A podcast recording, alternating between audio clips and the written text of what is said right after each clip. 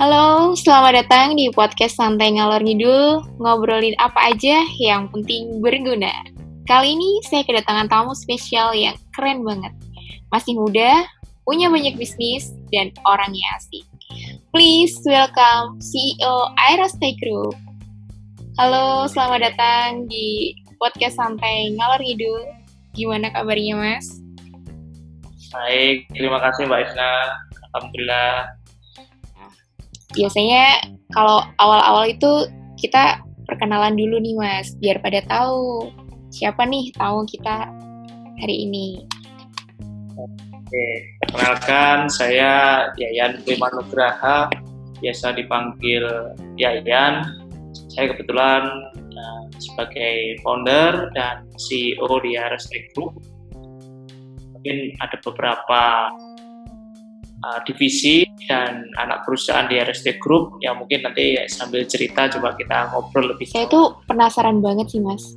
Sebenarnya RST Group tuh ada apa aja sih di situ tuh? Atau RST Group itu apa sih sebenarnya? Boleh diceritain nggak mas? Oke, jadi RST Group itu merupakan awalnya merupakan perusahaan teknologi ya, jadi startup di bidang teknologi yang kita rintis dari 2017. Namun hmm. secara badan hukum kita bergabung pada 2017, uh, 2019. Jadi skopnya itu meliputi ada robotik, Nah, robotiknya ada robotik yang support di bidang militer, yang kedua ada produk-produk industrial, nah, baik uh, di bidang industri warehouse, robotik untuk gudang, uh, ada UFV, ada UGV. Jadi UFV itu unmanned aerial vehicle, kalau UGV itu unmanned ground vehicle. Jadi singkat cerita kita bikin drone sama mobil robot yang digunakan untuk di berbagai macam aspek. Jadi uh, ada di gudang, ada di apa namanya agriculture, ada di termasuk kita support untuk di IoT ya, IoT ternak ya. Jadi kita uh, mengakomodasi bagaimana teknologi itu bisa dipakai di peternakan dan mengoptimasi hasil-hasil peternakan. Selain peternakan juga untuk pertanian. Selain itu kita merambah ke arah smart city dan smart building ya. Jadi bagaimana mengotomasi semua yang ada di uh, bangunan baik di hotel, di kantor, di rumah ataupun di city. Nah, selanjutnya uh, Aerostek juga sekarang membuka cabang di bidang makanan. Jadi kita merambah di bidang uh, Aerosfood ya namanya anak perusahaannya itu fokus uh, membuat konten seperti uh, dan uh, seperti bento begitu. Nah, setelah ini kita berencana membuka beberapa outlet uh, di Bandung mungkin sekitar 12 outlet dan di Jakarta sekitar 18 outlet. Nah, mungkin target kita sampai akhir tahun uh, segitu ya. Dan mungkin uh, menu healthy food ya, makanan sehat juga akan kita tambahkan uh, di Eros Food. Jadi uh, singkat cerita Eros Tech Group merupakan beberapa anak perusahaan yang memang fokus di bidang teknologi dan sekarang merambah ke makanan. Begitu, Mbak Isna. Wah, banyak banget ya Mas bisnisnya. Kalau boleh tahu, kenapa sih kok Mas Yayan tertarik bikin banyak bisnis ini itu dan nggak fokus di satu bisnis saja? Oke, Mbak Isna. Mungkin uh, reasonnya cukup simple. Jadi uh, sebenarnya awalnya pengen menambahkan kekuatan apa namanya investasi ya di RST Group. Nah, uh, karena memang beberapa bisnis ini harus saling support. Jadi di RST Group itu mengenal sistem cross funding ya. Jadi uh, antara satu anak perusahaan atau divisi itu mensupport uh, perusahaan yang lain atau divisi yang lain. Nah, kenapa begitu? Karena kita uh, seperti kasusnya di pandemi ini ya contohnya. Jadi ketika satu anak perusahaan itu tidak bisa bangkit, Nah, itu bisa disupport oleh uh, anak perusahaan yang lain gitu ya secara finansial. Kenapa begitu? Karena kalau kita hanya mengandalkan tabungan uh, dari atau aset dari perusahaan, maka lama-lama akan habis. Nah, konsep yang saya uh, apa jalani adalah bagaimana mempertahankan perusahaan dengan cara memiliki funding support atau backup uh, bisnis yang lain begitu. Nah, maka uh, di Aerostech Group membuka beberapa macam divisi atau perusahaan sehingga bisa memperkokoh atau memperkuat uh, kelangsungan bisnisnya. Mungkin begitu, Mbak Ista. Hmm, ini lini bisnisnya Mas Zain ini banyak banget nih. Nah, terus yang jadi pertanyaan yang cukup apa ya? Cukup uh, buat saya kepo. Nah, gimana sih cara uh, Mas Yayan tuh tetap engage dengan para pegawainya kan karena kan otomatis dengan lini bisnis yang banyak pasti pegawainya juga banyak. Gimana tuh Mas? Oh, jadi kalau di Aerostek Group mengenal budaya satu meja ya. Jadi kita tidak ada apa ya meja untuk CEO, meja untuk manajer, meja untuk karyawan tidak ada. Jadi kita duduk sama rata satu meja. Jadi bekerja pun antara karyawan dan staff uh, manager dan juga mungkin saya sebagai CEO itu barengan. Jadi uh, kami membangun kebudayaan atau kebiasaan bekerja uh, ala-ala anak muda ya. Jadi anak muda itu suka diskusi, suka ngobrol, suka bertukar pikiran yang apa ya out of the box begitu. Nah, maka kami membiasakan untuk diskusi satu meja. Jadi bukan uh, menghadap ke pimpinan gitu enggak, tapi memang diskusi uh, satu level. Dan uh, misalkan ada beberapa divisi, ada divisi, divisi teknologi, ada divisi marketing, ada divisi kalau di Aerosfood ada divisi apa namanya dapur ya. Jadi kita punya divisi dapur, divisi lapangan dan sebagainya. Jadi saya sering main ke lapangan, saya sering main ke dapur, uh, ya mencicipi makanan mereka, terus uh, ngobrol ke sana kemari. Pun juga ketika di lapangan juga sama, saya mencoba berbaur dengan teman-teman membantu penjualan dan sebagainya. Jadi, jadi uh, tidak ada jarak di antara kita. Jadi tidak ada jarak antara pimpinan dan karyawan. Jadi bagaimana saya uh, bisa mem, me, apa ya, mengelola atau memaintenance keadaan atau memanage semua kegiatan di Aerostek itu salah satunya adalah dengan pendekatan personal atau pendekatan uh, satu bekerja. Mungkin seperti itu Mbak Mbak Oke, berarti uh, kan tadi ada pendekatan satu meja, artinya antara atasan dan bawahan itu apa ya deket banget gitu kan. Nah, ya. kalau ini kan Mas Yayan ini fokusnya ke perusahaan teknologi ya, pasti ada semacam pembaharuan-pembaharuan atau inovasi-inovasinya itu kan pasti cepet banget. Nah, si pegawainya Mas Zayan ini kalau uh, punya ide-ide kayak gitu, apakah langsung uh, diterima oleh Mas Yayan atau uh, melalui beberapa proses atau bagaimana Mas Yayan? Uh, jadi kalau berkaitan dengan ideas ya, jadi saya seringnya bertindak sebagai pimpinan yang pas badan.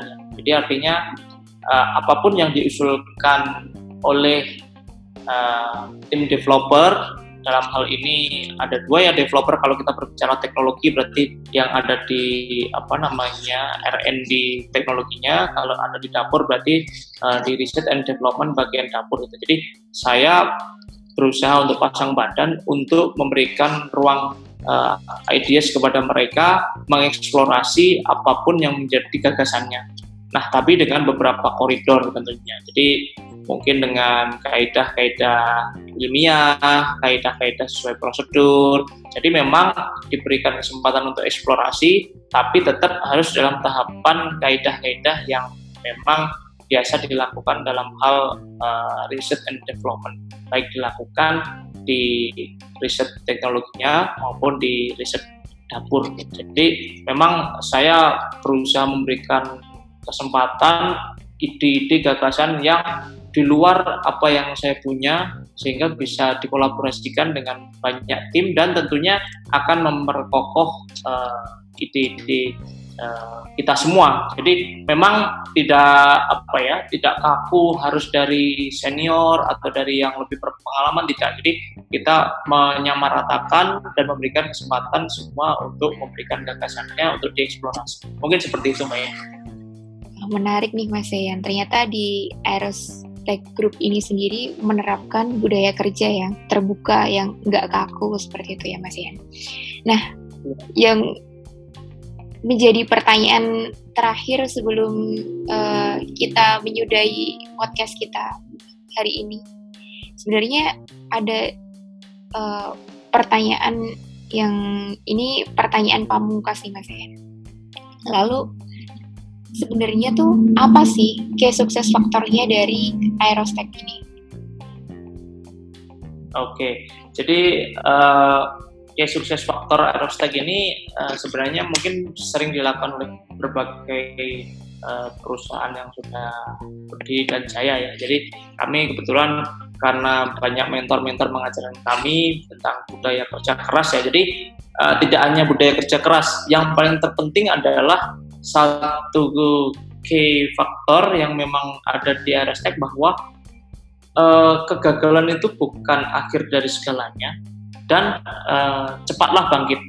Jadi artinya justru orang yang uh, selalu mencoba ketika dia gagal dan langsung bangkit, maka dialah yang akan mencapai ketujuan lebih dulu daripada orang yang ketika bangkit uh, apa ya dibilangnya jatuh mengeluh uh, merana terus apa ya istilahnya tidak segera mencari atau mengevaluasi diri sehingga terlarut-larut lama. Nah, kalau di Aerostek tidak mengedepankan budaya itu. Jadi di Aerostek gagal itu bukan akhir dari segalanya. Jadi gagal itu bagi teman-teman di Aerostek adalah mungkin keberhasilan uh, atau langkah keberhasilan yang tertunda. Ya. Jadi memang bukan dianggap gagalan, tapi memang harus dicari lagi, dicari lagi, dicari lagi dan uh, terus dicari sehingga uh, ketemu uh, satu goal yang memang di apa namanya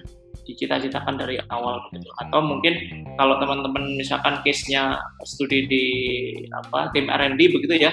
Jadi coba terus gagal, hangus, meredup, coba lagi, coba lagi, coba terus bangkit, terus bangkit, terus bangkit. Makanya eh, apa namanya ada hal yang memang harus ditanamkan yaitu adalah kesempatan untuk mengeksplorasi setiap ide-ide yang diutarakan. Jadi itu adalah salah satu uh, cara bagaimana memberikan motivasi kepada mereka ketika jatuh bisa cepat bangkit lagi. Intinya adalah bekerja keras, ketika jatuh cepat bangkit lagi dan uh, memberikan kesempatan kepada seluruh tim untuk mengeksplorasi ide-idenya. Dan tentunya sebagai pimpinan atau manajer harus pasang badan di sana untuk membackup uh, jangan sampai mereka merasa takut duluan sebelum mungkin seperti itu Mbak Ista keren banget nih Mas Yen sharingnya. Dan uh, apakah mungkin ini di Aerostek ini membuka ini Mas Yen membuka magang seperti itu. Mungkin saya bisa bergabung untuk magang di sana dan merasakan budaya kerja di sana keasikan uh, kerja di sana seperti itu Mas ya? Uh, bisa Mbak Esa, jadi teman-teman bisa mengeksplorasi diri, belajar bareng di sini, uh, magang di Aerostek Group tentunya uh, sesuai dengan passion masing-masing dan background masing-masing. Mau belajar teknologi, mulai dari yang basic maupun yang advance ada, mau belajar mengeksplorasi di bidang marketing juga silahkan, mau mengeksplorasi di bidang eh, kuliner juga silahkan. Jadi kami memang terbuka. Jadi di sini ada banyak mahasiswa yang sekarang sudah uh, magang di RST Group, baik di engineering, baik di marketing maupun di yang lain ya. Tentunya, terus uh, ada juga mahasiswa yang melakukan tugas akhir atau skripsi di sini. Itu juga kami persilahkan ada juga teman-teman mahasiswa S2, S3 yang belajar di sini itu juga dipersilahkan.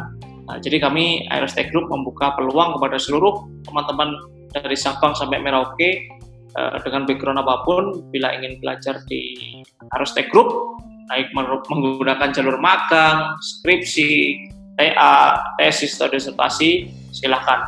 Jadi kami membuka pintu selebar-lebarnya untuk teman-teman belajar di sini. Begitu Istri.